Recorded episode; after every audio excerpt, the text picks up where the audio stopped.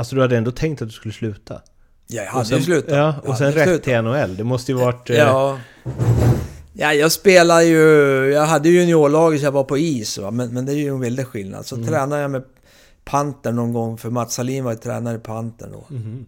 Två pass och sen åkte jag över och sen hade jag en rätt otur. Första träningen jag skulle vara med på, då hade de fått stryk en skitmatch kvällen före, så det var ju lite sån här straffträning som jag fick vara med på. Perfekt ju.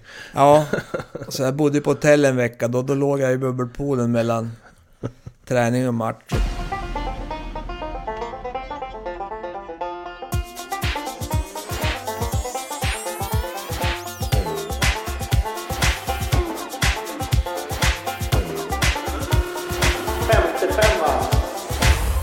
55an möter det detta. Mårten Bergman heter jag som intervjuar och det här avsnittet är det ingen mindre än legendaren Mats Näslund som gästar. Vad vi pratar om i avsnittet det hittar ni i beskrivningen till eh, podden och mig når ni lättast på Instagram, eh, Martin Bergman eller femte femman.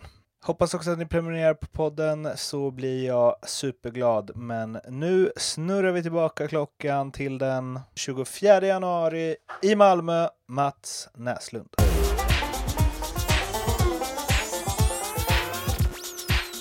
Som ni som lyssnat på den här podden massa gånger förut vet är det ju eh, en eh, början på det här eh, eh, som, när det i alla fall är lite mer retrointervjuer som återkommer och det gör den även nu. För mitt intresse för hockey började med hockeybilder och tv-spel och så. Så jag, inför att jag skulle eh, göra de här intervjuerna så eh, köpte jag en stor box med Elite Set 94-95 eh, hockeybilder och eh, de har ju varit förseglade länge så jag har hjälpt till med att öppna för att inte det ska gå fem minuter av avsnittet bara till det. Så jag tänker att du ska få ta ut de där bilderna och sen så ska du få berätta vem som kommer på dem och eh, vad du har för minnen eller tankar eller så kring de personerna. Så vi tar en i taget helt enkelt. Ja, Vem är först ut? första är ju Robban Nordmark. Eh, jag har ju ett speciellt minne med Robban för att han eh, spelade ju NHL samtidigt som mig. Och eh, bodde hos mig några dagar mellan World Cup eller Canada Cup och eh, NHL-säsongen startade. Så jag fick faktiskt lite pengar av honom för att köpa ett par Dao-skridskor, eller Daust som man säger på svenska. Mm. Så jag förmedlade att han fick ett par Daus-skridskor, eller inte, så kanske jag skyllde han några hundra dollar, det kommer jag inte ihåg. Jag blir väl påmind. Det är väl mitt bästa minne av Robban. En... Eh, ja, han var jätte hockeynördig. Fortfarande hockeynördig. Vältränad kille även på den tiden. Ska jag träffa honom på torsdag faktiskt och spela in en liten YouTube-snutt med Ja. honom. Han är väldigt hockeynördig, Ja, det har jag hört. Det Eh, det kan prata hur mycket hockey som helst. Ja, exakt. Exakt. Nästa Johan Norgren. Där har jag dålig koll. Det där har jag lite dålig koll, men det har ju inte jag. Han eh, spelade MIF med mig. Son till eh, materialaren Pelle Norgren som tyvärr har gått vidare för några månader sedan. Johan väldigt eh, intelligent människa, smart, har säkert ett väldigt fint jobb nu uppe över Stockholm, Södertälje eller var han bor. En eh, han var väl sjätte, sjunde back de år vi tog SM-guld och så vidare. Mm. Spelade inte så mycket. Han spelade när Peter Andersson bestämde sig för att vila, vilket eh, inte Peter gjorde så ofta. Då fick Johan spela. Så att, en bra lagspelare och en mycket fin människa. Vad har du, om vi stannar till i Malmö, MIF? Det måste ju vara några av de finaste minnena i karriären. Eh, jo, absolut. Det vart ju två SM-guld och sen vart det ju ett Europacup-guld däremellan som jag tycker är lite... Lite bortglömt. Vi var ju Europas bästa lag. Vi slog Dynamo Moskva i final och Ja. eh, de hade ju ett riktigt bra lag.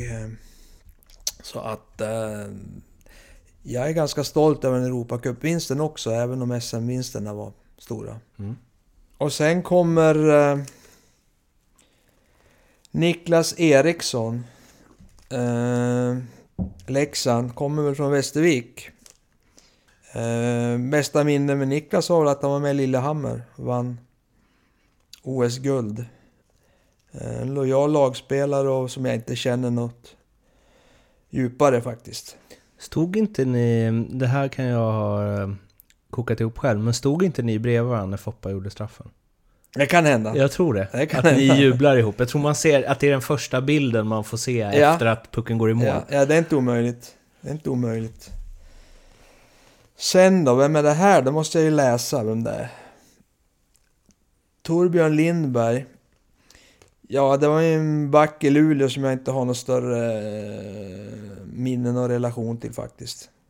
Han känns som en sån back som var bra om han inte syntes. Ja, det jag tror kanske var lite som Johan Norgren typ. Ja. Eh, sen kommer ju en som jag känner igen väldigt väl, Tommy Sammen Samuelsson. Vi eh, var väl med hela resan från juniorålder ända uppåt till, till vi slutade kan man ju säga. Han var ju... Gjorde ju väldigt många landskamper, var väl egentligen, ska inte jag säga att han var för liten för att komma till NHL, men det kanske var svårare att komma över som back. Mm. Tommy var ju väldigt spelskicklig och eh, vinnarskalle och är väl fortfarande vinnarskalle nu när han försöker ta tillbaka HV71 upp i SHL. Är ni samma... Är det samma års... Ja, vi är väl samma årgång. Han var ju Mm. med i juniorlandslaget och, och så vidare. Så att eh, han är född 60 tror jag. Mm. Ett år yngre än mig. Han är en bra lagspelare, en bra kille. Och sen kommer det någonting jag får läsa vem det är också. Mats Löv, ja. Eh, Mats Löv, eh, det kommer jag kanske ihåg mer från Leksand va? Har vi spelat Leksand hoppas jag. Har det inte spelat i Leksand? Nej, nej, då vet jag inte vem det är riktigt. Eller har han det? Nej. Jag vet aldrig. Det är bara de senaste Ja. säsongerna där. va? Han, jo jag tror han har spelat Leksand. Jag tror han kommer från Dalarna. Och vad är, vad är han där då? Rö- Nu är han i Rögle här när jag tittar på bilderna. Eh, högerskytt. Har väl inget direkt jätteminne av. Jag tror han var ganska duktig målskytt, men eh, inget större minne. Han du får nog... ehm, du har rätt. Leksand. Ja, Ja. Och eh, B-landslaget var Vikingarna? Vikingarna. Ja. Ja, det var nog på den tiden det fanns. Men eh, Rögle, har du några antagonistkänslor för Nej, eller? absolut inte. Mina... Mina antagonistkänslor är ju Modo i och med att jag växte upp i Timrå. Då, då är det väl i, i DNA att man inte tycker om eh, Modo. Mm. Så jag är väl rätt besviken på fotbollsspelare Foppa att han håller på Modo måste jag säga. Det tycker jag är lite, lite dåligt men det är ett fritt land vi lever i. Ja. Men ändå. Ja, ändå är det lite bittert. Ja. Sista kortet här, det var en bra idé det här. Det är Micke Sundlöv, känner jag ju rätt så väl. Spelar väl inte, han är bra mycket yngre än mig så vi var väl aldrig ihop i Brynäs när jag spelade där. Men eh, känner ju Micke efter det och eh, han var ju också med i OS i Lillehammer. Och även om han stod väl inte så många matcher men eh, bra kille, är väl i Kat- Karls... Krona, är han där igen? Karlskrona är han Ja. tillbaka igen. Han trivdes väldigt bra där och när det inte vart något mer i Brynäs så flyttade han tillbaka dit. Så att det är också en hockeykunnig människa, en bra kille. Absolut. Bra målvakt också. Vad, vad, Brynäs kontra MIF och så liksom, vad...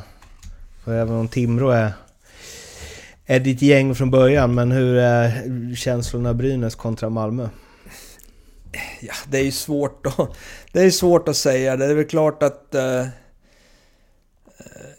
alla lag man har spelat i följer man ju mer än andra. Jag följer ju Montreal också naturligtvis. Men eh, de flesta matcher jag tittar på, om inte Timrå är inblandad, så vill jag ändå se bra hockey. Det är nog det viktigaste och duktiga spelare. Så att, att det är klart jag håller mer på Brynäs än vad jag håller på, på Leksand eller Färjestad tack vare att jag har kompisar i organisationen och så vidare. Så att... Eh, om jag, det är svårt att säga utan att trampa i klaveret men jag ser gärna att Timrå är kvar i elitserien i alla fall, eller SHL. Mm.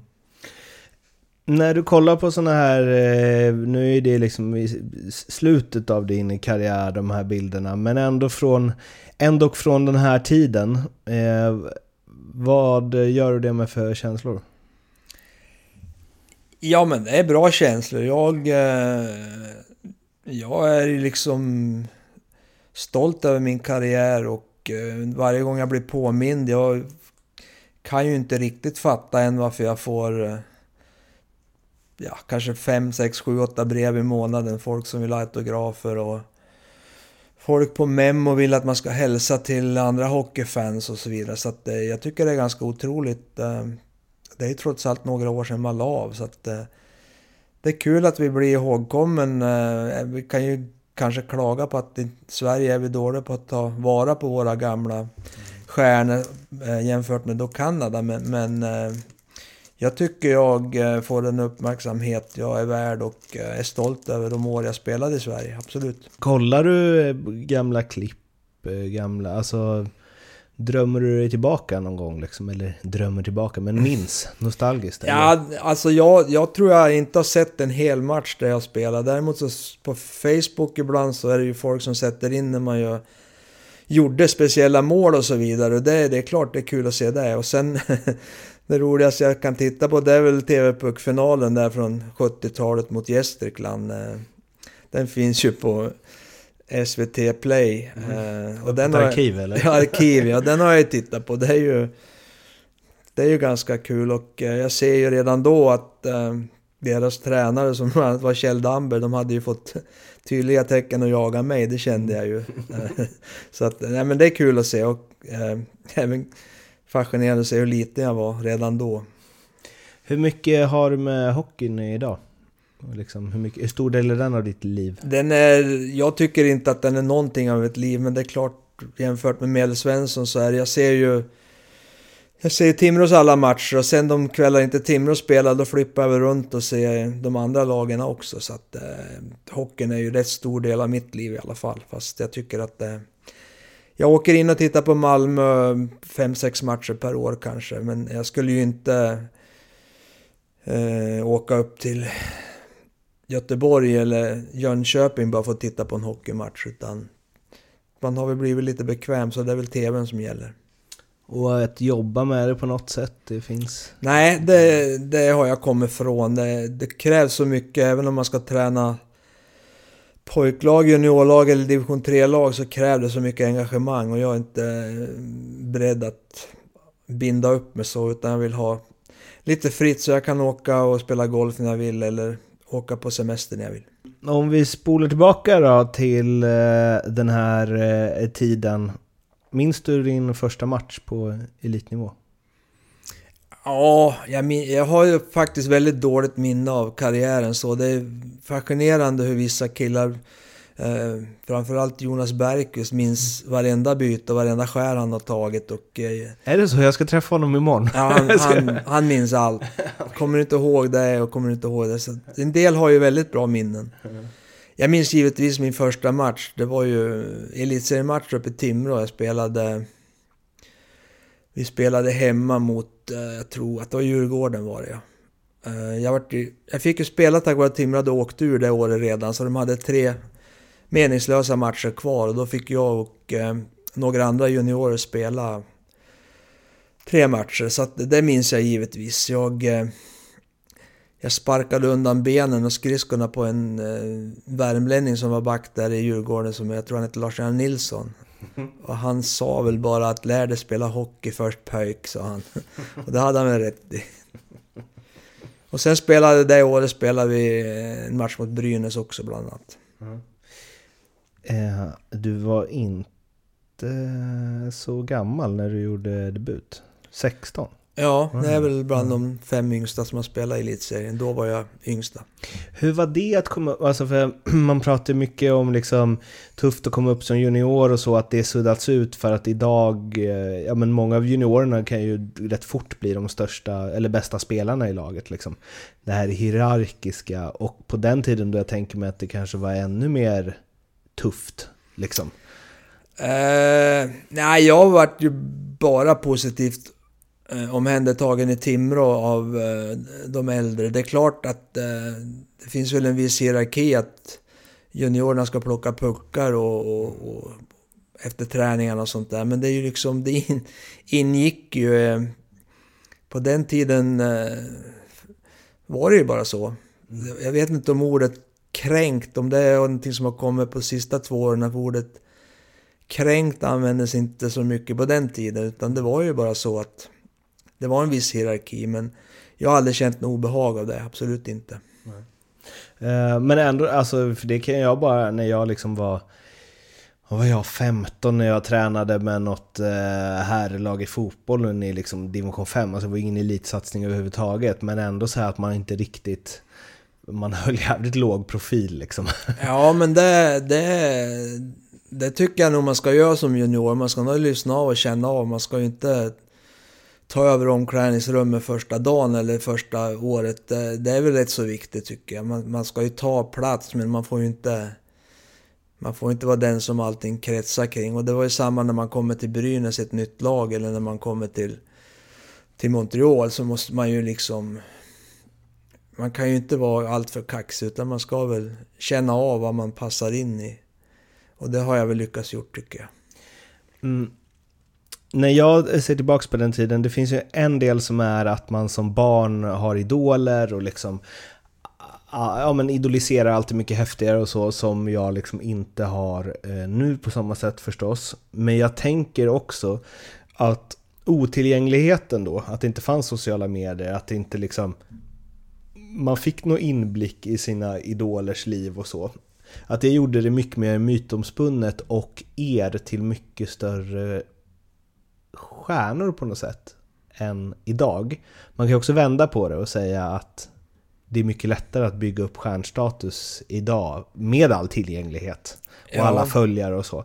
Ja. Men uppfatta, hur uppfattar du det där? Var ni liksom mer igenkända på stan än dagens Tre Kronor-spelare till exempel? Ja, det tror jag absolut att vi var. För dels, normalt sett så spelar man ju landslaget Innan mig, då spelade man i landslaget i tio år, så att de killarna var ju igenkända. Alla visste ju vilken Honken var och så vidare. Men sen en annan var ju med i alla fall tre, fyra år innan jag flyttade till Montreal. Mm. Och sen... Eh, ja, det tror jag absolut att, att man var mer, mer igenkänd. Eh, på stan så att säga. Speciellt då i Sundsvall och Gävle och där mm. det är hockeymetropoler. Så att eh, det, är, det är väl likadant nu egentligen. Det är ju många mer som känner igen när jag kommer till Gävle eller Sundsvall än vad det är i Malmö. Va? För det är ju mer en fotbollsstad och så vidare. Men du, kan du gå på en uh, MIF-match ostörd? Nej, det är klart att Nej. folk känner igen en. Ostörd är väl ett kanske ett lite dumt ord. ja, men det, att, ja, det, bör, det, kan ju vara kul också att folk Ja, det fram. är alltid kul. Det är, det, det är ytterst sällan. Det, det händer väl, om någon är onykter på krogen, om man nu råkar vara där, då mm. kan det väl var några dumma kommentarer, men annars är det ju 99,9% positivt. Mm. Jag eh, intervjuade Niklas Sundström och då sa han att eh, inför hans, eh, när tröjan ska hängas i taket så fick han sitta och kolla igenom lite gamla klipp som han skulle plocka ut och då hade han kollat på något av från sin debutsäsong i Modo och det måste ju vara typ 89 kanske eller något sånt. Mm. Och då hade hans barn, tror jag, sett det där när han satt och kollade. Och bara, pappa vad är det där? Så här, vad håller ni på med liksom? ja. Eh, och han sa det, han bara, det är otroligt liksom, när man blippar över från det till en eh, match idag i SHL. Det är ja. inte samma sport liksom. Nej. Hur känner du när du liksom, utvecklingen i sporten? Ja, den är ju naturligtvis, de är ju... Materiellt sett är det ju naturligtvis mycket bättre med klubbor och så vidare. Sen fysiskt är de ju bättre allmän kondition och så vidare. Men, men däremot så är jag ju säker på att både Tumba och Foppa och alla där mittemellan har ju varit stjärnor idag också. De har haft samma förutsättningar. Mm. Det är ju helt klart. Mm. Eh, alltså en Foppa i elitserien idag som haft de förutsättningarna, det är klart han har ju dominerat. Han, det är helt klart. Mm. Men, eh, för någonstans finns det ju att så här, jag menar att det kanske var lite mer spel eh, förr. Eh, Jo.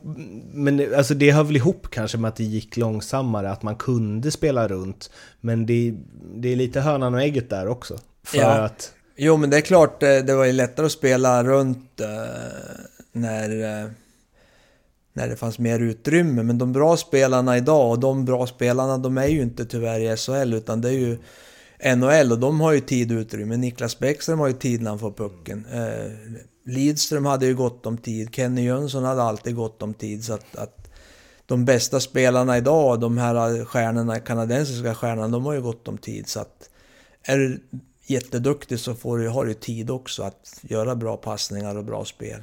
Däremot så tycker jag det är en, det är en ganska trevlig trend att man försöker passa sig ur situationen. Okej att det blir grodor ibland men man tittar på Oskarshamn. Ja. Börjar kanske, jag vet inte om det börjar med när Håkan Åhlen var där eller kanske tidigare. Men de försöker alltid spela ur egen zon och, och det är klart det är kul att se att man inte bara drar pucken runt så här i hörnen vilket man gjorde då i Montreal när jag kom dit. Det var ju bara att skjuta pucken i plexiglas och lycka till. Så det är kul att se.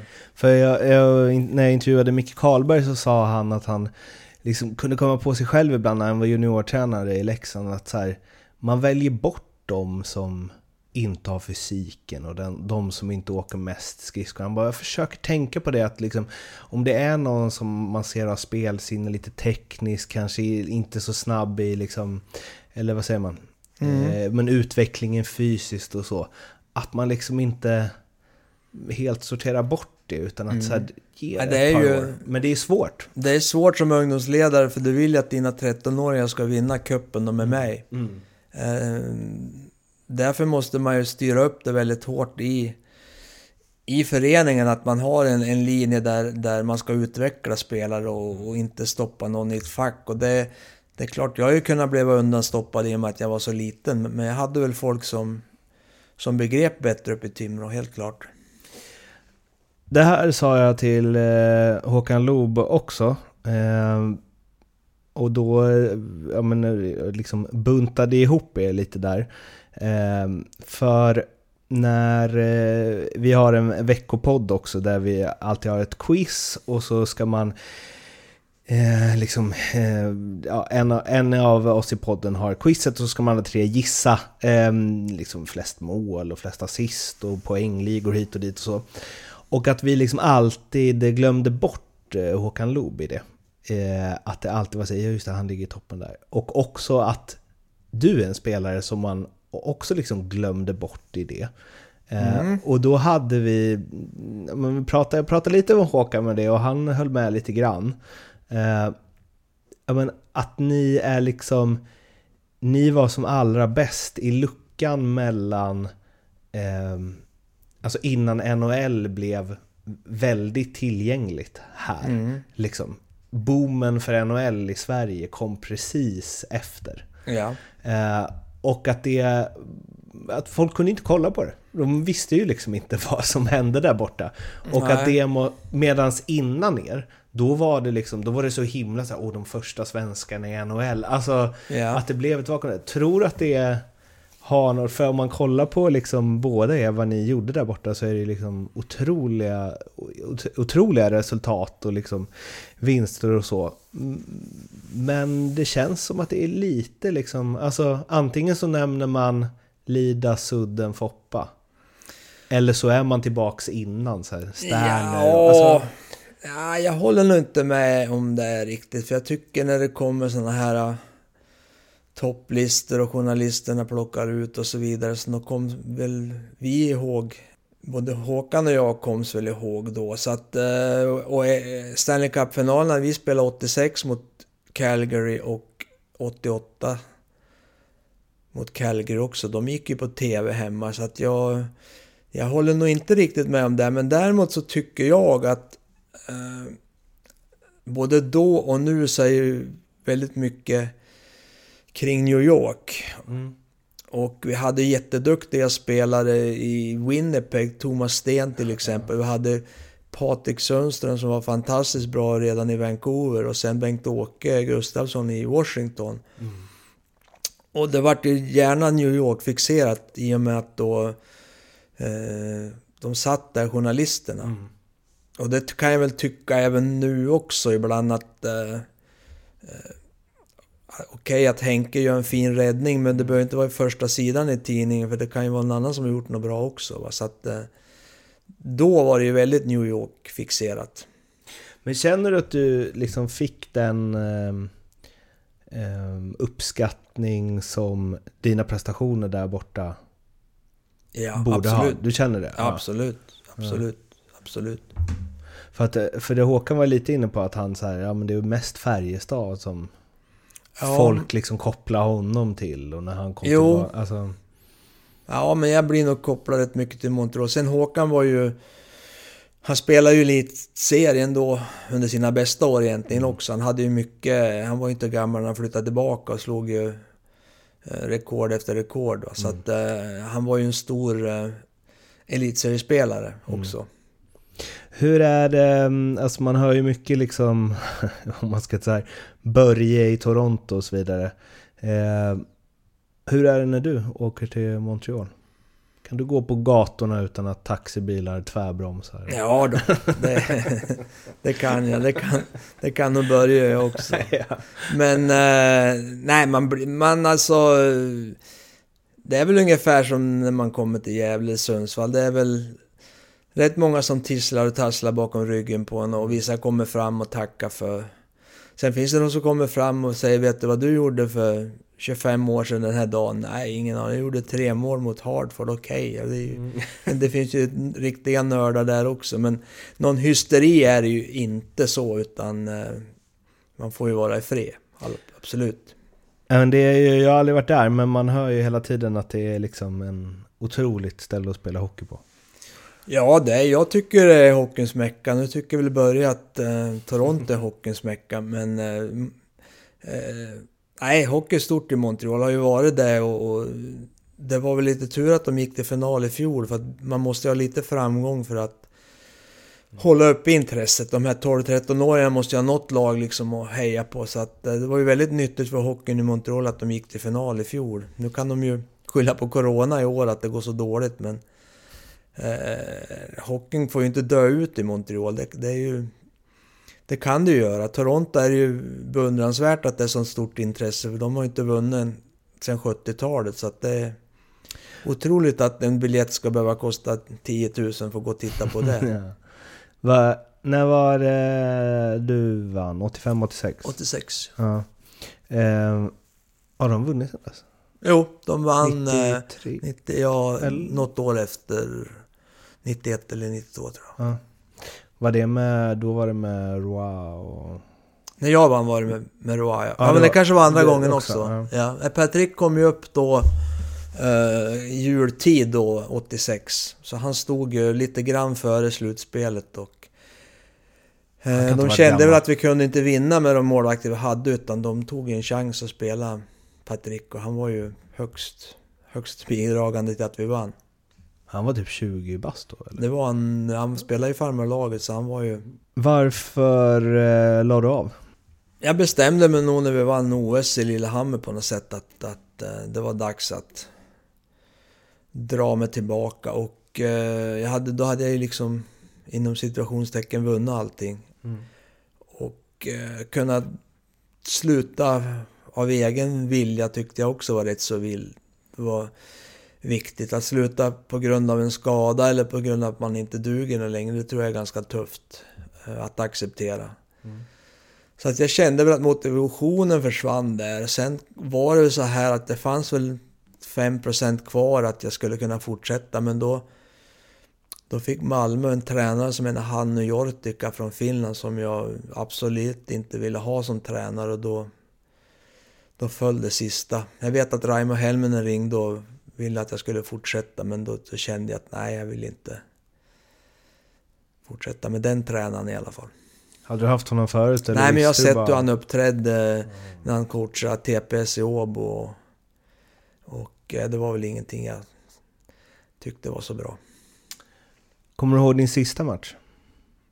Ja, det var ju lätt att komma ihåg. Nej, det gör jag. Ja, nu, det hände ju lite konstiga ja, exakt, saker. Det det. Vi vann ju SM-final mot Modo. Mm. Och där minns man ju hela vad som hände och det finns ju väl dokumenterat på TV, det kan man ju titta på om man vill. Ehm, det var ju min sista match, trodde jag. Mm. Men sen var det ju så att det var ju strejk där i NHL, eller lockout, och då kom ju de över och spelade här i Europa. Gretzky and Friends kallades laget. Mm. Och kom till Malmö och spelade och Percy Nilsson frågade om jag ville spela. Då sa jag om jag får spela med Raimo, sa jag till Timo, då, då, då spelar jag annars. Skit jag i det. Så Roger Hansson fick snällt eh, kliva på sidan, så jag fick ju spela med Raimo Helminen och eh, det gick jättebra den matchen. Han gjorde några mål och assist och så då... Då skulle NHL börja då bara några veckor efteråt och då nappade ju Boston på att jag skulle fortsätta spela. De... Eh, de tyckte ju att det hade varit så bra i OS då bara ett halvår före så kunde jag väl trappa upp och spela i Boston också. Så det vart ju en comeback. Och min sista match var väl säkert då mot New Jersey. Vi spelade i första omgången av slutspelet. Och förlorade, förlorade nog tre raka tror jag. Fyra raka eller vad det var. För um, det är ju liksom, det är en väldigt speciell Elite Prospects att det är så här bara avsluta med 34 matcher i Boston Ja. från ingen... Alltså... Ja. Den säsongen i NHL var väl kanske 45 matcher. Jag bommade någon match där från början. Ja. Och sen eh, sa jag i tidningen att jag skulle kunna tänka mig att spela i NHL. Eh, inte i Sverige. Då, Mm. då hörde de av och då ringde min eh, advokat som jag hade haft under alla år och sa vad liksom har du sagt nu då? Ja, jag får väl stå mitt kast. Jag hade två lag som ville att du kommer över. Ena ville på tryout och ena vill skriva kontrakt direkt. Ja. Så ja, men det är ju som att vinna Lotto fast man måste jobba för det lite grann. Så det är klart jag åker dit. Så då åkte jag dit. Jag åkte över ensam men var där. Familjen kom över efter halva tiden i en vecka sen. Men hade du, alltså kom, blev det från... Alltså du hade ändå tänkt att du skulle sluta?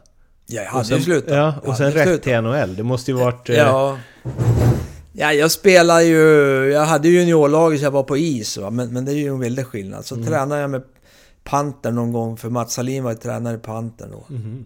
Två pass och sen åkte jag över och sen hade jag en rätt otur. Första träningen jag skulle vara med på, då hade de fått stryk en skitmatch kvällen före. Så det var ju lite sån här straffträning som jag fick vara med på. Perfekt ju. Ja, så jag bodde på hotell en vecka. Då, då låg jag i bubbelpoolen mellan träning och match. Och sen... eh, Sen frågade tränaren om jag kunde spela hemma, tror jag, hemmamatch. Och då sa jag ja, jag kan ju vara med och spela på powerplay. Och det var väl liksom lite tänkt så jag skulle spela med Adam Oates och Cam Neely. Mm. Eh, så jag hoppade in och spelade så då körde jag ju hela matchen och så kom Mikko Mäkelä efteråt som då tyvärr var petad när jag kom. Så han frågade, ja, hur mycket spelar du tror jag? Så jag vet ingen aning, du spelar 21 minuter, så han. Så det var första matchen och så frågade tränaren dagen efter, då hade vi borta match, så han, hur är det, känner jag? Nu är vi inne i skiten, nu kör vi, så jag. Så det var inga problem. Eh, men blev det en om... Alltså att du hade bestämt att du skulle sluta och sen... Alltså var det just att det lockade med liksom NHL? en Nej, det var pengarna som- Ja, det var pengarna. Ja, Ja. ja. Det var bara det eller som gjorde Ja, att det du... kan man säga. Ja. kan man säga. För att eh, jag kände ju- jag kände väl efter 10, 12, 15 matcher att liksom det här, det här har jag gjort, det här kan jag. Så jag hade ju inget, inget jättesur. Jag hade framförallt inga ambitioner att skriva något flerårskontrakt efter det. Utan jag var, jag var nöjd att det året gick och jag gjorde bra ifrån mig. Låg ganska länge upp till 18-19 matchen, snittade en poäng per match. Och det var ju, det var ju bra. Så att, eh, nej, jag var mätt på hockey då. Där. Var det, hade du svårt att motivera dig då också? Eller var det liksom... Där i Boston? Ja. Nej, ja, nej, det hade jag nog inte. Jag tror nog de, de var nog nöjd med det. Jag, Nej, Vinnarinstinkten fanns ju kvar, det är helt klart. Och det är därför jag kunde spela på en gång också. Mm. För att jag... Inställningen fanns ju kvar, så att det...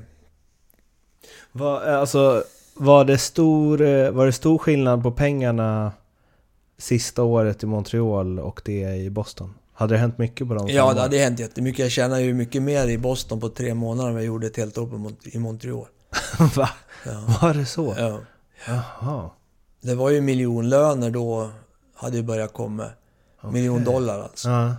Och jag hade väl, ja, jag hade väl motsvarande miljon dollar på de tre månaderna alltså. Okej. Delat då på, jag hade 300 eller 350 000 US dollar.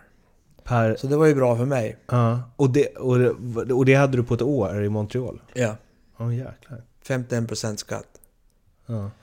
Jag får ju be om ursäkt att jag jobbar som snickare ibland, för folk, ja nu måste jag ha någonting att göra också, säger folk. Nej men så är det inte så. Om jag vill ha min levnadsstandard så, så är jag ju tvungen att jobba lite grann. Ja, ja, ja. Ja. Men sen säger jag om jag spelar Montreal, nu säljer jag 7 miljoner dollar per år, det är klart det är en jäkla skillnad. Ja, Men det då- det. Det är inte säkert man är lyckligare för det. Var var det det small liksom lönemässigt? I... Ja, det var väl, började väl där då när man gjorde ju alla löner offentliga, va, så man kunde jämföra eh, vad motsvarande spelare. Sista gången jag skrev kontrakt så jämförde ju vi med en kille som heter Bernie Nichols som spelar i Mm. Los Angeles. Så han hade väl gjort samma poäng ungefär, låg vi på 80-90 varje år i alla fall. Och, Mm. Så vi jämförde med honom och sen började det eskalera så att Mm. Eh, biljettpriserna har ju också eskalerat. Jag tror det kostade 18-19 dollar första året när jag var i Montreal och sen när jag var i Boston tror jag de kostade på 50 dollar Mhm. biljetten. Och nu kostar de kanske, om man har fått tag på biljetter i Montreal så är det 200. kanske 200 dollar. När du, för att återknyta till det, när du la av. Eh, För då, då antar jag att du visste att när vi åker ut här så kommer inte jag spela, då slutar jag. Hade du bestämt Ja, dig? jo, jo det var ju klart. Mm. Det var klart. Det fanns inte att göra ett år till eller? Nej, det var ju den där sista 5-6 procenten, men nej. Alltså det krävs ju rätt mycket träning och eh, jag kände väl att om jag skulle fortsätta så vill jag ju spela sista minuten. Jag vill ju, om jag man mindre sista minuten så vill jag vara på isen. Och, eh, Kan man bara köpa ner så acceptera att man ska spela i tredje och fjärde kedjan, då har man ju kunnat fortsatt Mm. x antal år. Men tar man ut målvakten och ska göra mål om, om man inte är aktuell att spela, då, då tyckte jag väl att det, det vill jag liksom inte gå igenom. Mm. Det skulle vara en frustration att, att inte få spela sista minuterna. Även om coachen hade rätt kanske, så, så hade ju det är inte många som fattar det själv. Mm. Jag spelade ju några år med spelare som inte förstod utan skyllde på sin vänsterforward och skyllde på sin back och skyllde på sin tränare. Och I själva verket så var det ju de som var, hade tappat. Mm. Men sen har jag sett spelare som har accepterat att spela Mm. Tre, fyra år till då i andra fiolen. Så att det är olika hur man är. Kände du att du... ehm, att du blev sämre? Kände Nej. Du att du, håll- Nej, det Ja. gjorde jag egentligen inte. Jag hade väl... Alltså när jag... Hade jag spelat 86 i elitserien, det är klart det har ju varit dominerande totalt. Men, men då var jag ju som bäst säkert. Men mitt sista år var ju bra. Jag spelade ju med Mikko Mäkelä och Raimo Helmen. Vi hade väl... Ja, vi var ju en bra kedja så att... Mm. Jag tillförde ju mycket till laget. Lika mycket då som jag gjorde när jag spelade i Brynäs och så vidare. Så att, eh, nej, jag, jag tyckte inte att jag var sämre. Ehm, men när, när du då vet att det liksom, eh, om vi åker ur nu, då är det slut. Spelat liksom i Boston där. Vad gjorde du det med, alltså när, när ni åkte ur? Fanns det något vemod att säga, okej det här är sista gången jag spelar hockey? Inte i Boston, det fanns ingen vemod alls. För där, då, ja, då fick jag ju åka hem till familjen kan man ju säga. Ja. Eh, Det var ett rent jobb liksom, Ja. att åka dit? kan man säga. Ja. Absolut. Så du var helt, du hade aldrig så här, fan ska jag göra en säsong till? Ingen saknad av hockeyn? Nej. Eller? Nej. Nej. Nej. Men då hade jag ju kunnat skriva säkert ett miljonkontrakt. Men jag tyckte det var inte värt det liksom. Då. Jag kände ingen vemod heller när vi spelade, vann mot Modo. Utan jag tyckte bara att då var det... Ja. Jag hade gjort det. Och du har aldrig liksom, alltså åren efter där liksom satt och kollat på en hockeymatch och saknat det här livet? Jo. Liksom. När det vart finaler, eh, när de skulle spela OS-final i Turin, då hade jag ju... Då sa ju Alfredsson att fan, du hade velat vara med nu va? Och det, det såg jag han på mig. För jag, jag peppade ju dem och försökte få dem att fatta att de hade ju världens chans att vinna. Och det var ju sista chansen många av dem hade. Och så Affe sa det, du hade nog velat vara med nu. Ja, fy fan om jag hade fått vara med. Så stora finaler och sånt där något år efter. Men, men eh, man förstår ju, det krävs ju så mycket mer. Men eh, den här saknaden som vissa pratar om, då, liksom tomrummet och... Jag brukar försöka eller, argumentera ibland när folk som inte gillar sport eh, och inte förstår det, liksom, vad det är. Då brukar jag liksom säga att känslan när man bryr sig om ett lag och det laget gör mål och man liksom skriker rakt ut av någon form av lättnad, glädje, mix. Att det finns ju inte på något... Alltså nu har inte jag vunnit liksom 100 miljoner, då kanske man gör det. Men... Eh, man gör, alltså det finns jättemånga bra känslor i livet. Men det är sällan den känslan kommer på en sekund. Och du inte haft den innan. Och gör att du vill bara skrika rakt ut. Det är enda gången i mitt liv som jag gör det. Det är när liksom Leksand gör mål. Mm. Eh, mm. Och det blir ju ännu starkare om du spelar i ett lag och gör ett mål och har en publik som jublar. Tänk, alltså, jo, det... det måste ju bli, det måste ju saknas igen. Eh, de där kickarna, det är klart det saknas så. Mm. Men, men det här med tomrummet och det, jag har ju min generation, vi hann ju i alla fall jobba sådär civilt. Jag mm. hann ju... Jag utbildade mig till, till byggnadssnickare uppe i Sundsvall då. Mm. Eh, och jobbade ju fyra år nästan fulltid parallellt med att jag spelade 60-70 hockeymatcher per år. Så att, eh, jag hade ju det att falla tillbaka på. Mm. Eh, och jag är ju snickare och eh, hantverkare, arbetare, praktiskt lagd i kropp och själ. Så att det, för mig var det ju inget svårt och för mig är det ju inget nerköp att jobba som snickare, även om många nu kanske tycker det. Så det är, för mig är det ju... Det är ju vad jag kan, alltså det är ju mm. ett, Jag trivs ju jättebra med det. Men jag tänker just att så här, hur kicken som man får att göra mål inför 15 000 pers. Mm. Hur ersätter man den? ja. Uh, jag kanske ersatte den något år. Jag började köra lite travlopp och mm. Amatörlopp lyckades jag ju vinna någon gång. Så att det är klart, där fick man ju en liten kick. Uh, men den kicken går nog inte att ersätta. Om man nu letar att ersätta den kicken, det, det, det har jag ingen... Jag vet inte vad jag skulle kunna ersätta den. Det är ju få barn eller alltså familjen och så. Det är ju kickar men det är en annan sorts kick kanske. Det är, mm. eh, vad som är bättre och sämre i det fallet det, det är svårt att förklara. Men den där kicken man hade när man eh, gjorde ett avgörande mål, eh, sudden death i mm. avgörande Stanley Cup kvartsfinal eller vad det nu var. Det, det går inte att ersätta. Mm. Minns du hur det känns? Ja, det kan man nog om man nu får se dem där på Facebook när man har gjort det så så kommer ju minnet tillbaka, absolut. Mm. Det gör det. Det här, eh, eh, här eh, är du ju snett på det om du inte svarar supernöjd, men jag frågar ändå. När du ser tillbaks på hela din karriär, hur nöjd är du? Jag, är, jag har ingenting att ångra. Jag, jag är jättenöjd. Jag, från pojklaget, jag var ju med och vann junior-EM och TV-puckfinaler och så jag har ju haft alla framgångar man kan ha. Så jag är jättenöjd. Jag har inget... Ingenting jag ångrar sådär och tycker att tänk om jag hade blivit så eller om jag hade gjort så. Det, nej, absolut inte. Eh, vi ska snart gå till del två som jag kör med alla, men jag måste bara fråga. Varför... Eh, alltså 90 där. Varför eh, lämnar du NHL? Rätt mycket då också för att motivationen börjar liksom det, det är ju rätt tufft man åker runt och spelar 80 matcher. Då fick jag ett kontrakt i Lugano som var mm, ungefär lika betalt. Kanske lite mer i, mm. kvar efter skatt och på spela bara 36 matcher vad man gjorde. Mm. Eh, mindre resor, sov hemma i sin egen säng varje kväll. Så det lockade ju. Det lockade ju faktiskt.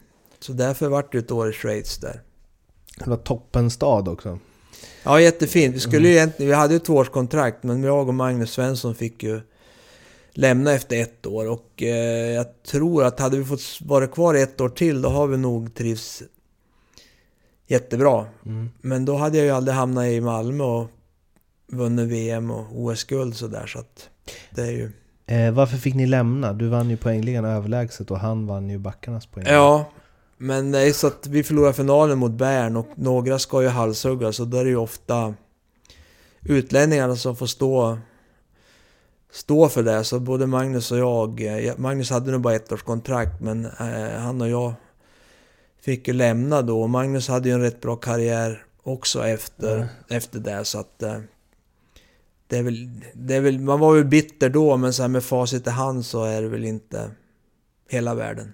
Eh, del två då.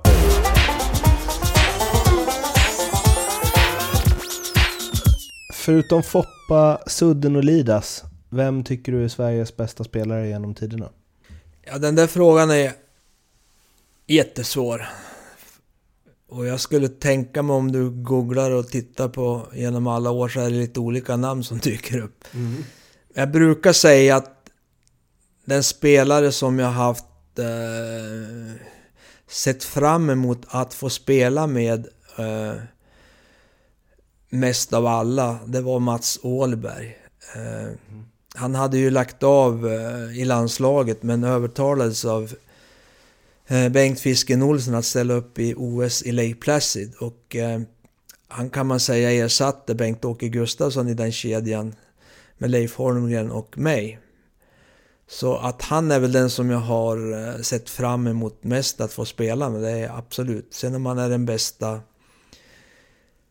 genom tiderna, det, det, det vet jag inte. Men han är den jag uppskattade mest att få spela med i alla fall. Förutom eh, Wayne Gretzky och Mario Lemieux, vem tycker du är världens bästa genom tiden? Ja, där tycker jag definitivt Gretzky är den bästa. Men sen eh, alla de här ryssarna...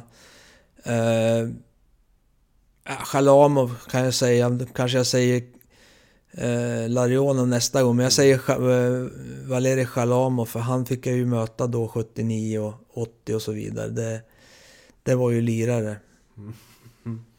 Mm. De var, det, det var ju det, vi pratade lite om hockeyns historia innan SVT-serien där.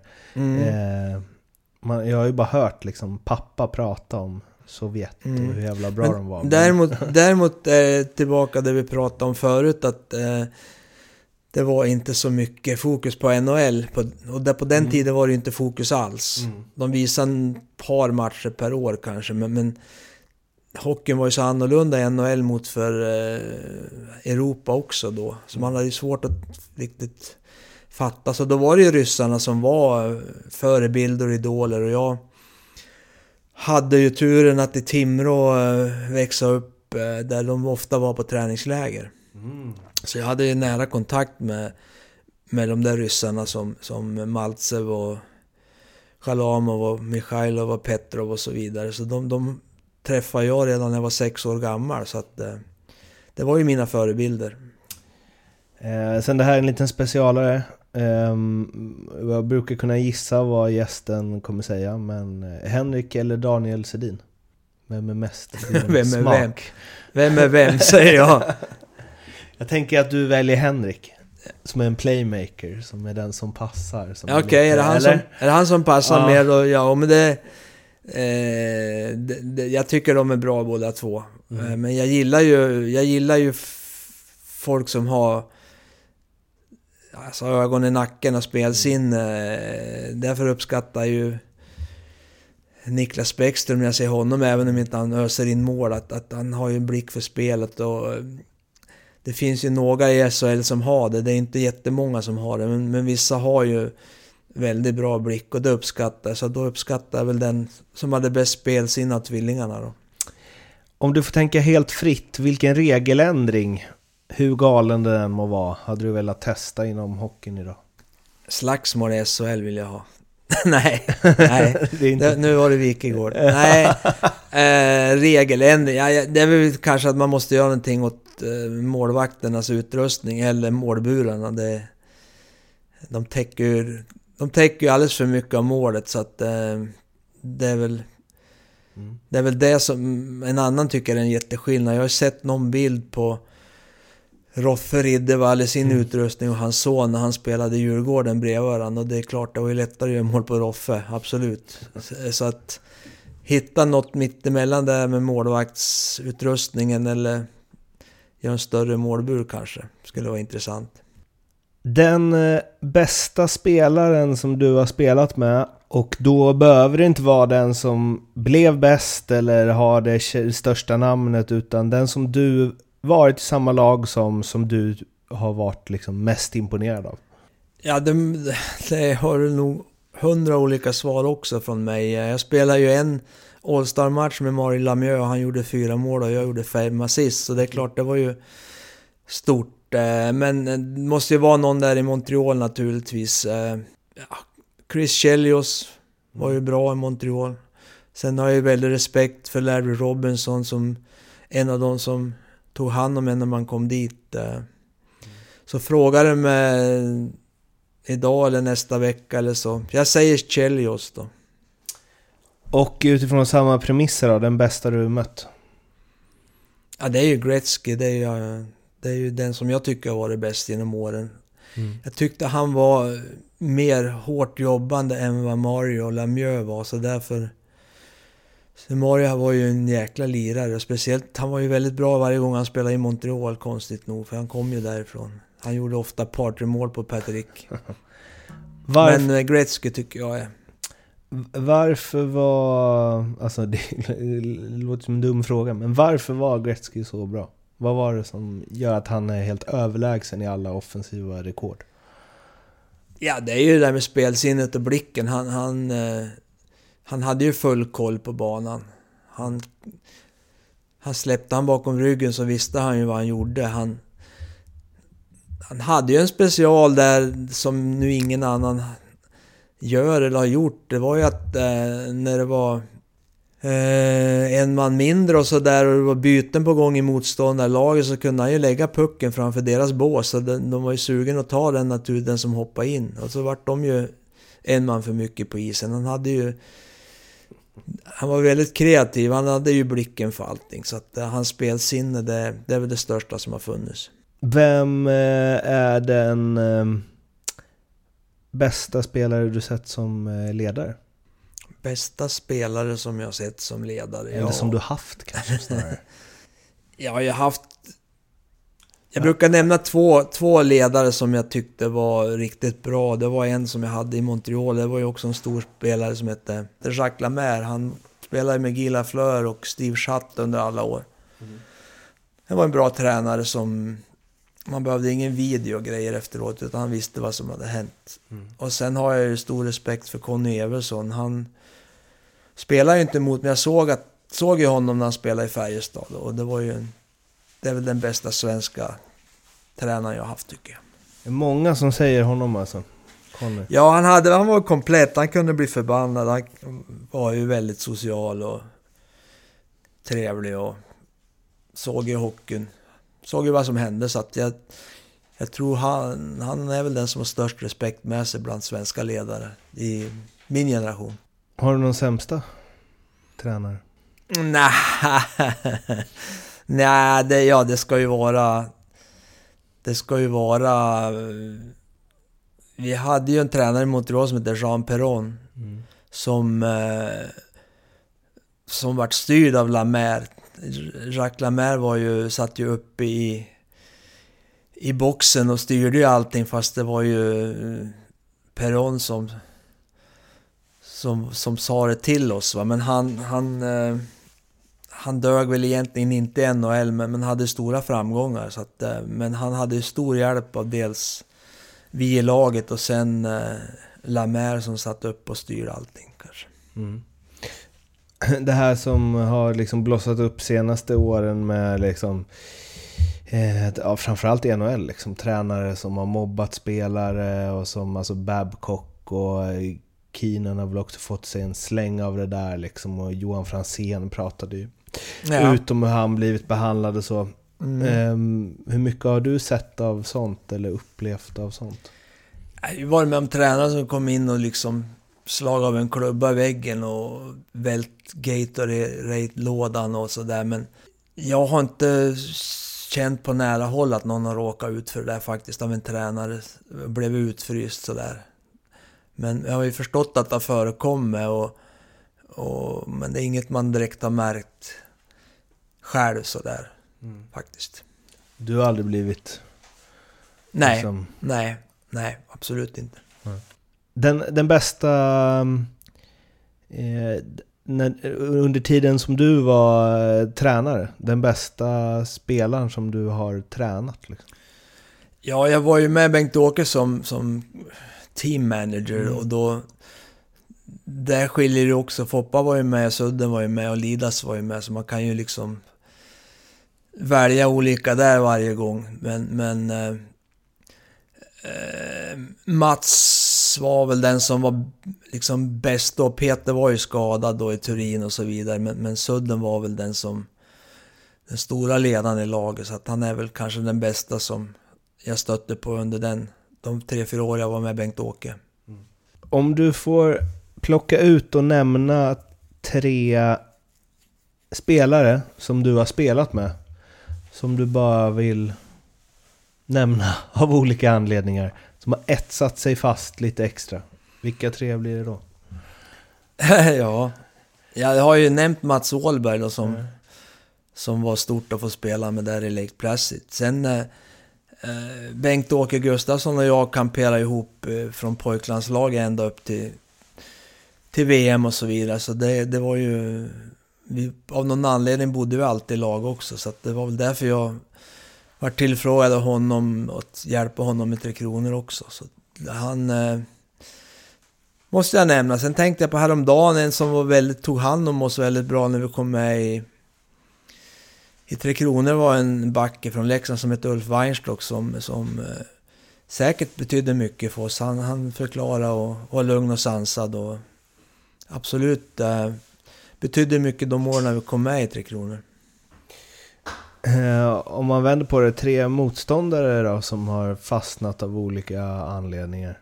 Jag vet inte om det är någon du haft duster med eller någon målvakt du gjorde mycket mål på? Eller? Nej, det kommer jag inte ihåg. Men jag har ju respekt för många motståndare. Så den som jag har mest respekt för är väl Ray Bork eller mm.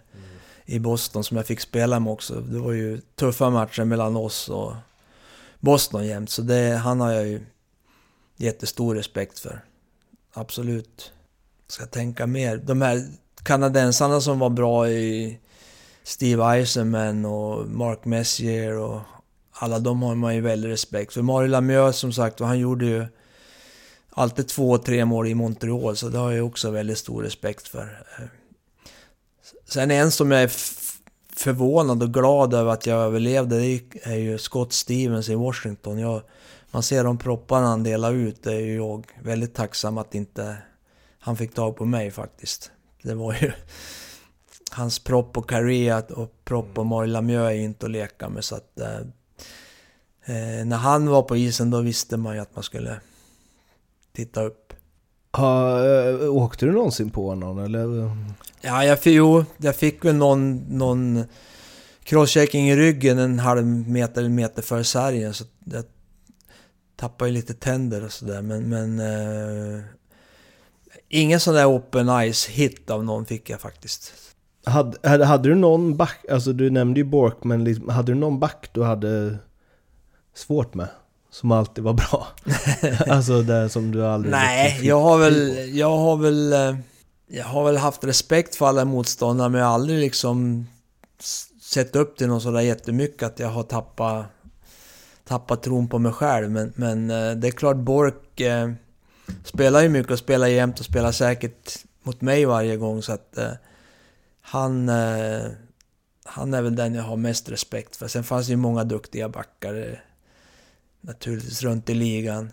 Eh, Dog Wilson i Chicago tyckte jag var väldigt duktig. Och Brian Leach i New York var ju också väldigt duktig. Så det finns ju många bra backar som man har stött på. Du spelade ju i en tid då det var ganska våldsamt i NHL. Ja. Um, undvek du allt sånt? Du var aldrig liksom... Nej, jag... Eh, det var ju liksom nästan lite på... slutet av den våldsamma tiden. Det var ju fortfarande, vi hade ju, vi har ju haft några hemska slagsmål med Quebec och Philadelphia. Alla var på isen och slogs i korridoren och... Mm. Men... Eh, nej, jag har klarat mig. Jag... Eh, eh, jag stod med en kanadensare då mot Quebec och, och höll i så gott jag kunde och då kom Bob Gainey som var kapten över med Marian Statsny så vi liksom gjorde en litet byte där så att jag fick honom och när vi har slagits mot uh, Philadelphia då har jag nästan alltid hittat Per-Erik Eklund så att det, det har väl liksom aldrig varit nära. Jag, har ju, jag hade ju bra skydd av Chris Nyland. Han, det var någon gång någon skulle tuffa upp sig men då sa ju Chris att det där ger du fan i och sen var det ganska lugnt.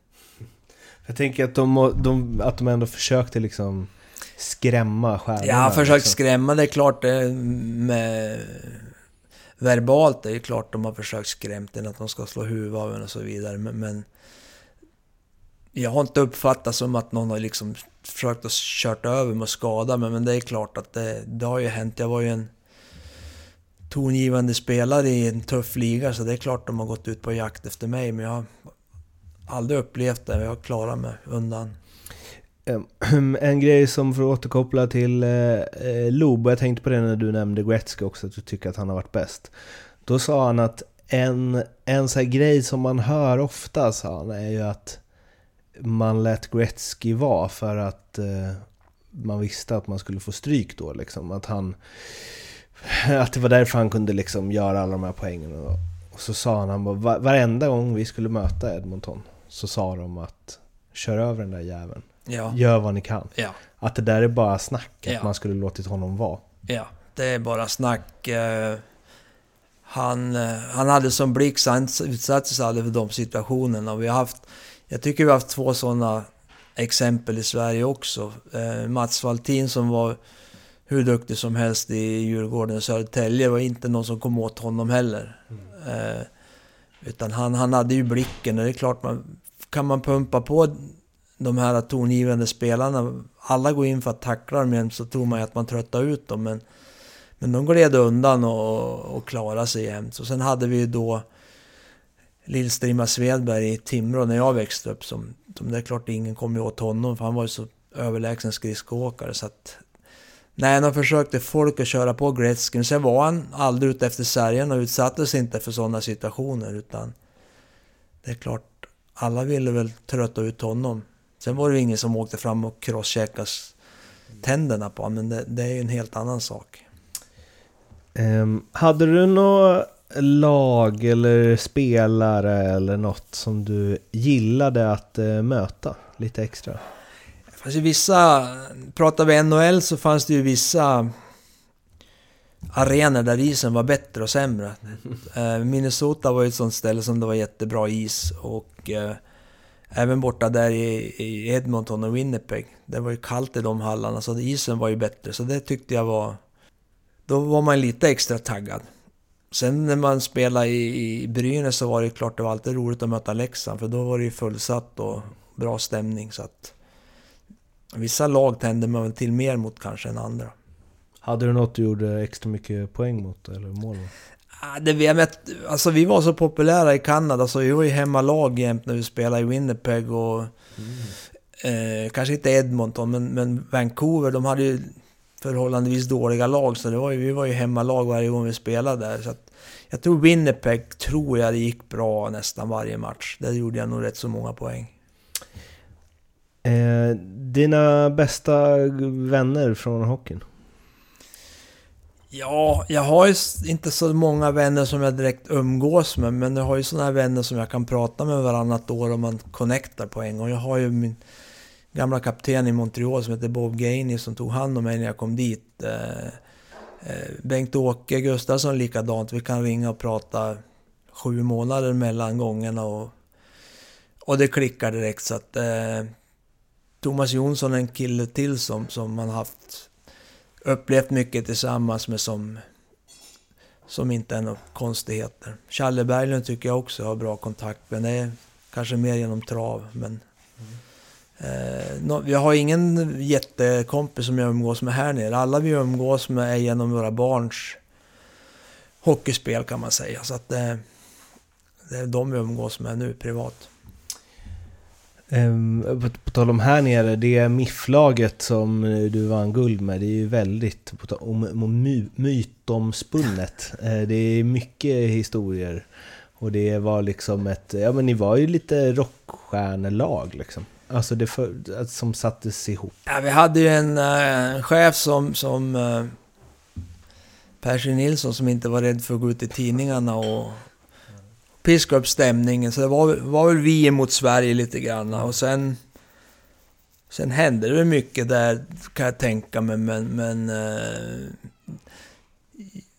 jag brukar ju säga att de, ibland skriver de att vi vann SM-guld tack vare att alla var på etage, men, men det är ju inte sanningen utan vi... Vi krigade ju på och var ju bra tränade och, och seriösa så att... eh, vi hade ju ett jättebra lag. Vi hade några som gick till NHL och var duktiga och sen hade vi många som kom hem som fortfarande hade någon mil kvar i benen så att... Nej, vi var ett bra lag. Det måste vara ett av de bästa lagen som svensk hockey har sett va?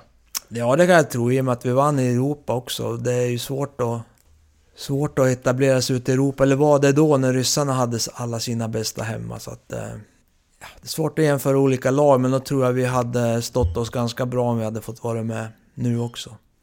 Va, eh, lirar, du lirar med Helminen eller? Jag lirar med Helminen eh, sista två åren och åren före lirar jag med Burakovsky och Rydmark. Okej. Okay. Burra och Var inte han som skötte hemjobbet antar jag? Nej. Eh, Eller Rydmark fick jobba ganska hårt där va? Ja, men Ryd, Rydmark var, var en bra lagspelare och, och bra defensivt. Burra var ju sån som sköt på allt. Uh, ungefär som de gör nu, försöker mål bakifrån, mål i ryggen på målvakten och sånt. Det hade han ju för sig redan då. Så att, uh, han var ju en målskytt. Men vad är Helminen, var det liksom, eftersom du sa det, om du skulle spela den där matchen mot Gretzkys gäng. Var det favoriten liksom? Var det... Ja, han hade ju spelsinne och visste var jag var någonstans. Och, eh, otroligt duktig kille. Han hade lite otur när han var i New York. Eh, hade dålig rygg. Annars har han blivit en duktig NHL-spelare också. Ja, du tror det? Ja, det tror jag mm. absolut. Men, men, men, från det där gänget har du liksom inte kontakt med någon? Nej, jag, det, jag träffar ju Peter Sundström och Patrik Sylvegård och Ålen och Anders Svensson träffar här på luncherna ibland, så vi har ju kontakt och sådär. Men det är ingen som, vi, som jag umgås något djupare med. Hade ni inte någon eh, match för ett tag? Var inte jo, vi hade en, en, eh, åter, en reunion. Ja. Eh, alla som hade vunnit SM var inbjudna så att eh, då kom ju de flesta ner så det var ju jäkligt kul. Pekka var ju här och Lust var ju här och alla vi som bor här var ju med så att det var, det var stort. Vem var bäst? Ja, det var ju de yngre som ja, klart. Magne Toft och, och Bosson och sådana som inte spelar så mycket. Då, de vann. fick skina nu. De fick skina nu. Hur är det för egen del? Hur... Ja, jag kommer från lite, jag har varit på is eh, fram till pandemin var jag ganska frekvent på is och spelade ju uppvisningsmatcher, var i Ryssland och spelade mm. eh, ett par, tre gånger per år och så vidare. Kan, jag var ju spela Winter Classic, eh, veteranerna ett år också i Boston med Montreal. Så att, men nu sen pandemin så har jag kommit från det tyvärr. De tre bästa minnena från eh, din karriär? Vilka är det då? Ja, det är väl... Stanley Cup var ju störst naturligtvis. Paraden vi hade med en miljon människor på St. Catherine Street. Det, är väl det som etsar sig fast mest. Flygresan hem från eh, Lillehammer när vi vart eskorterade ner av eh, två Viggenplan. Det var ju också rätt häftigt. Sen var det stort naturligtvis. Första VM var med i Moskva min första träningsmatch mot Ryssland gjorde jag mål på Tretjak efter 52 sekunder. Det är klart det var ju stort och härliga minnen. Den bästa lagkamrat du har haft utifrån hur du tycker att man ska vara i ett lag och i ett omklädningsrum? Och vem hade liksom varit kapten i ditt drömlag? Ja, det var väl den kapten jag hade i Montreal, Bob Gainey, som, som är väl den bästa kapten jag haft. De tog hand om alla och hjälpte alla och det är väl den bästa kaptenen. Om du med all den erfarenhet du har av hockeyvärlden idag kunde liksom hoppa in i en tidsmaskin, träffa dig själv när du var 15 år, vad hade du sagt? Liksom, fanns Nej, det något du sagt- skulle gjort annorlunda eller något Nej, du skulle jag- tänkt på eller så? Nej, jag tycker att uh, hockeyn alltid varit kul för mig. Det bästa jag visste och det roligaste som fanns. Eh, så att det var väl lika då och det var lika nu. Att ha kul och njuta av, av hockeyn. Ha kul är viktigt i alla fall. Njöt du? För det hör man många som kommer på efter karriären att de glömde att njuta. liksom. Ja, nej men det kanske jag, det är väl en del som jag kanske inte har gjort. Eh, njuta och uppskatta alla guld och OS-guld och så vidare. Det, det, men det kan man väl tycka efteråt att man skulle ha varit med mer på siste man på festen och sånt där. Men det är säkert man var lyckligare för det. Men, men eh, det kan man kanske säga att man inte njöt till fullo. Varför tror du att så många elitidrottare inte gör det? Är man för uppe i Ja, man är så uppe i det. Man har ju någon, ingen distans till det där på något sätt.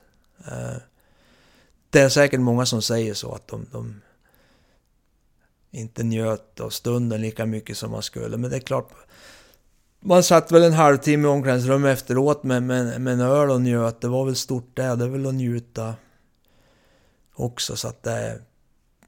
Ja, nu har jag väl säkert njutit av det. Vem har betytt mest för din eh, karriär? Ja, dels är det väl föräldrarna när man börjar som skjutsar runt den. Sen är det väl familjen som har varit med. De har ju varit med hela vägen. Eh, eh, Både fru och äldsta grabben var ju med till, till Montreal. Så det är klart att de har betytt mycket. Föräldrarna ställer ju upp och skjutsa och även min syster skjutsa. Det är väl bäst jag säger. Och sen, eh, ja familjen har ju stått bakom en hela tiden. Men eh, grabben, han, är han född där? Han är född precis innan vi flyttade till Ah, okej. till Montreal. Men en av grabbarna är född där. 86, 85. Vad är du mest... Eh, och det, ja, det kan ju vara liksom en, en, en medalj eller något förstås, men jag, kan, jag kanske tänker lite mer som helhet eller större eller så, men vad är du mest stolt över från karriären?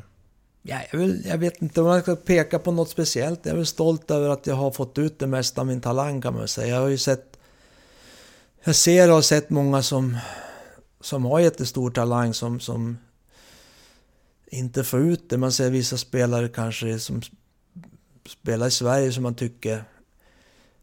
Hade de liksom bara haft lite mera jävlar anamma så de spelar NHL. Det, så jag tycker att jag fått, fick ut det mesta av min, eh, min karriär. Känner du att du gjorde dig, din talang rättvisa? Ja, det liksom? tycker jag. Absolut. Absolut. Det måste vara en jävla skön känsla, för det måste vara många som har, känner att man har slarvat bort Ja, det, liksom- det, det finns säkert många som tycker att om jag hade tränat lite hårdare så hade även Exakt. jag spelat i elitserien eller jag kanske kommer med i juniorlaget eller kommer med i NHL. Och, eh, jag har ju aldrig varit en träningsnarkoman men jag har ju skött mig förhållande bra genom åren och tränat så jag har haft en bra fysik i alla fall. Och sen, de här som inte räcker till som jag tycker är, inte utnyttjar sin talang, det är väl psyket och som inte som inte finns där egentligen. Mm. Och eh, skulle jag åkt omkring när jag var 15-16 och tycka att alla var så jävla stor bara för att de vägde 20 kilo mer än mig, då har inte jag heller kommit, kommit så långt. Utan eh, respekt för motståndaren, men man fick ju inte se upp för mycket till dem.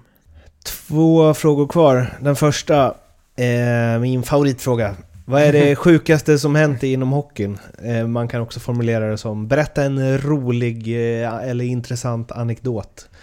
Med lite behind the scenes känsla. Sjuka som har hänt, alltså det finns ju lite roliga grejer som har hänt förr, innan mig, som jag tyckte är rätt så kul egentligen. Det var ju, det var ju bland annat eh, när man hade tuffa matcher mot Sovjet och var trötta i laget så fick ju någon för sig helt plötsligt att de hade tappat en lins på isen. Ja. Och fick ju då hela eh, ryska laget och svenska laget att le- leta en lins som skulle ligga på isen. Och det låg ju aldrig någon lins på isen naturligtvis. Det är ganska roliga episoder. Eh, Att utnyttja ja, fuska är det väl egentligen, men att utnyttja allt man kan för att vinna. Sen andra episoder, ja... Det är ju de mest, alltså vi hade ju en match mot Quebec på annan dag när vi... Nu säger jag vi, för, men det är ju inte vi egentligen. Det var fullt slagsmål efter första periodens slut. Lyckades ju skingra allihopa. Och eh, kommer ut på isen igen och åker runt och då säger spiken att nummer 15 har fått matchstraff och nummer 7 har fått matchstraff och så vidare. Och då tycker de ju det är lika bra att de börjar slåss igen. Och då var det full kalabalik igen, alla börjar slåss.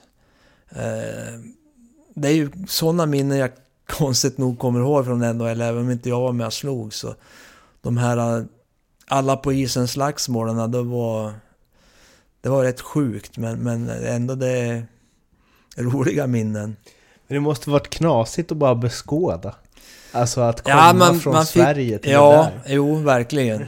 Jag fattar ju inte de här fighternas roll heller första åren, men eh, vi spelade ju mot Philadelphia en match och Mike Keenan som då var...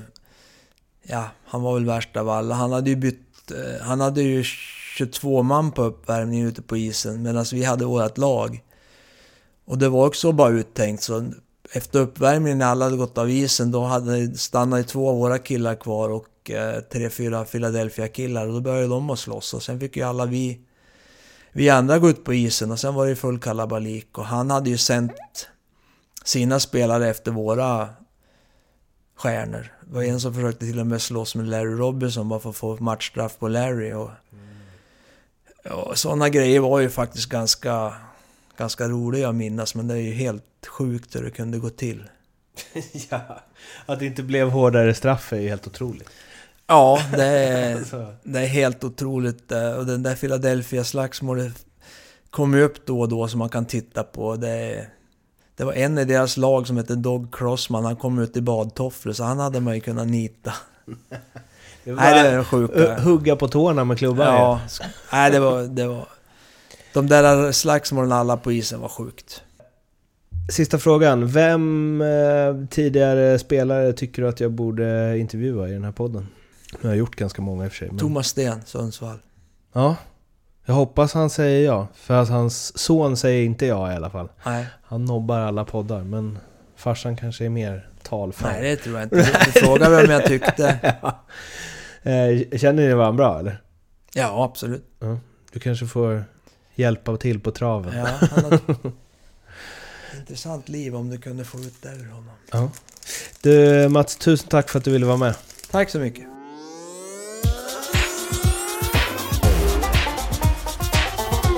Femte femman.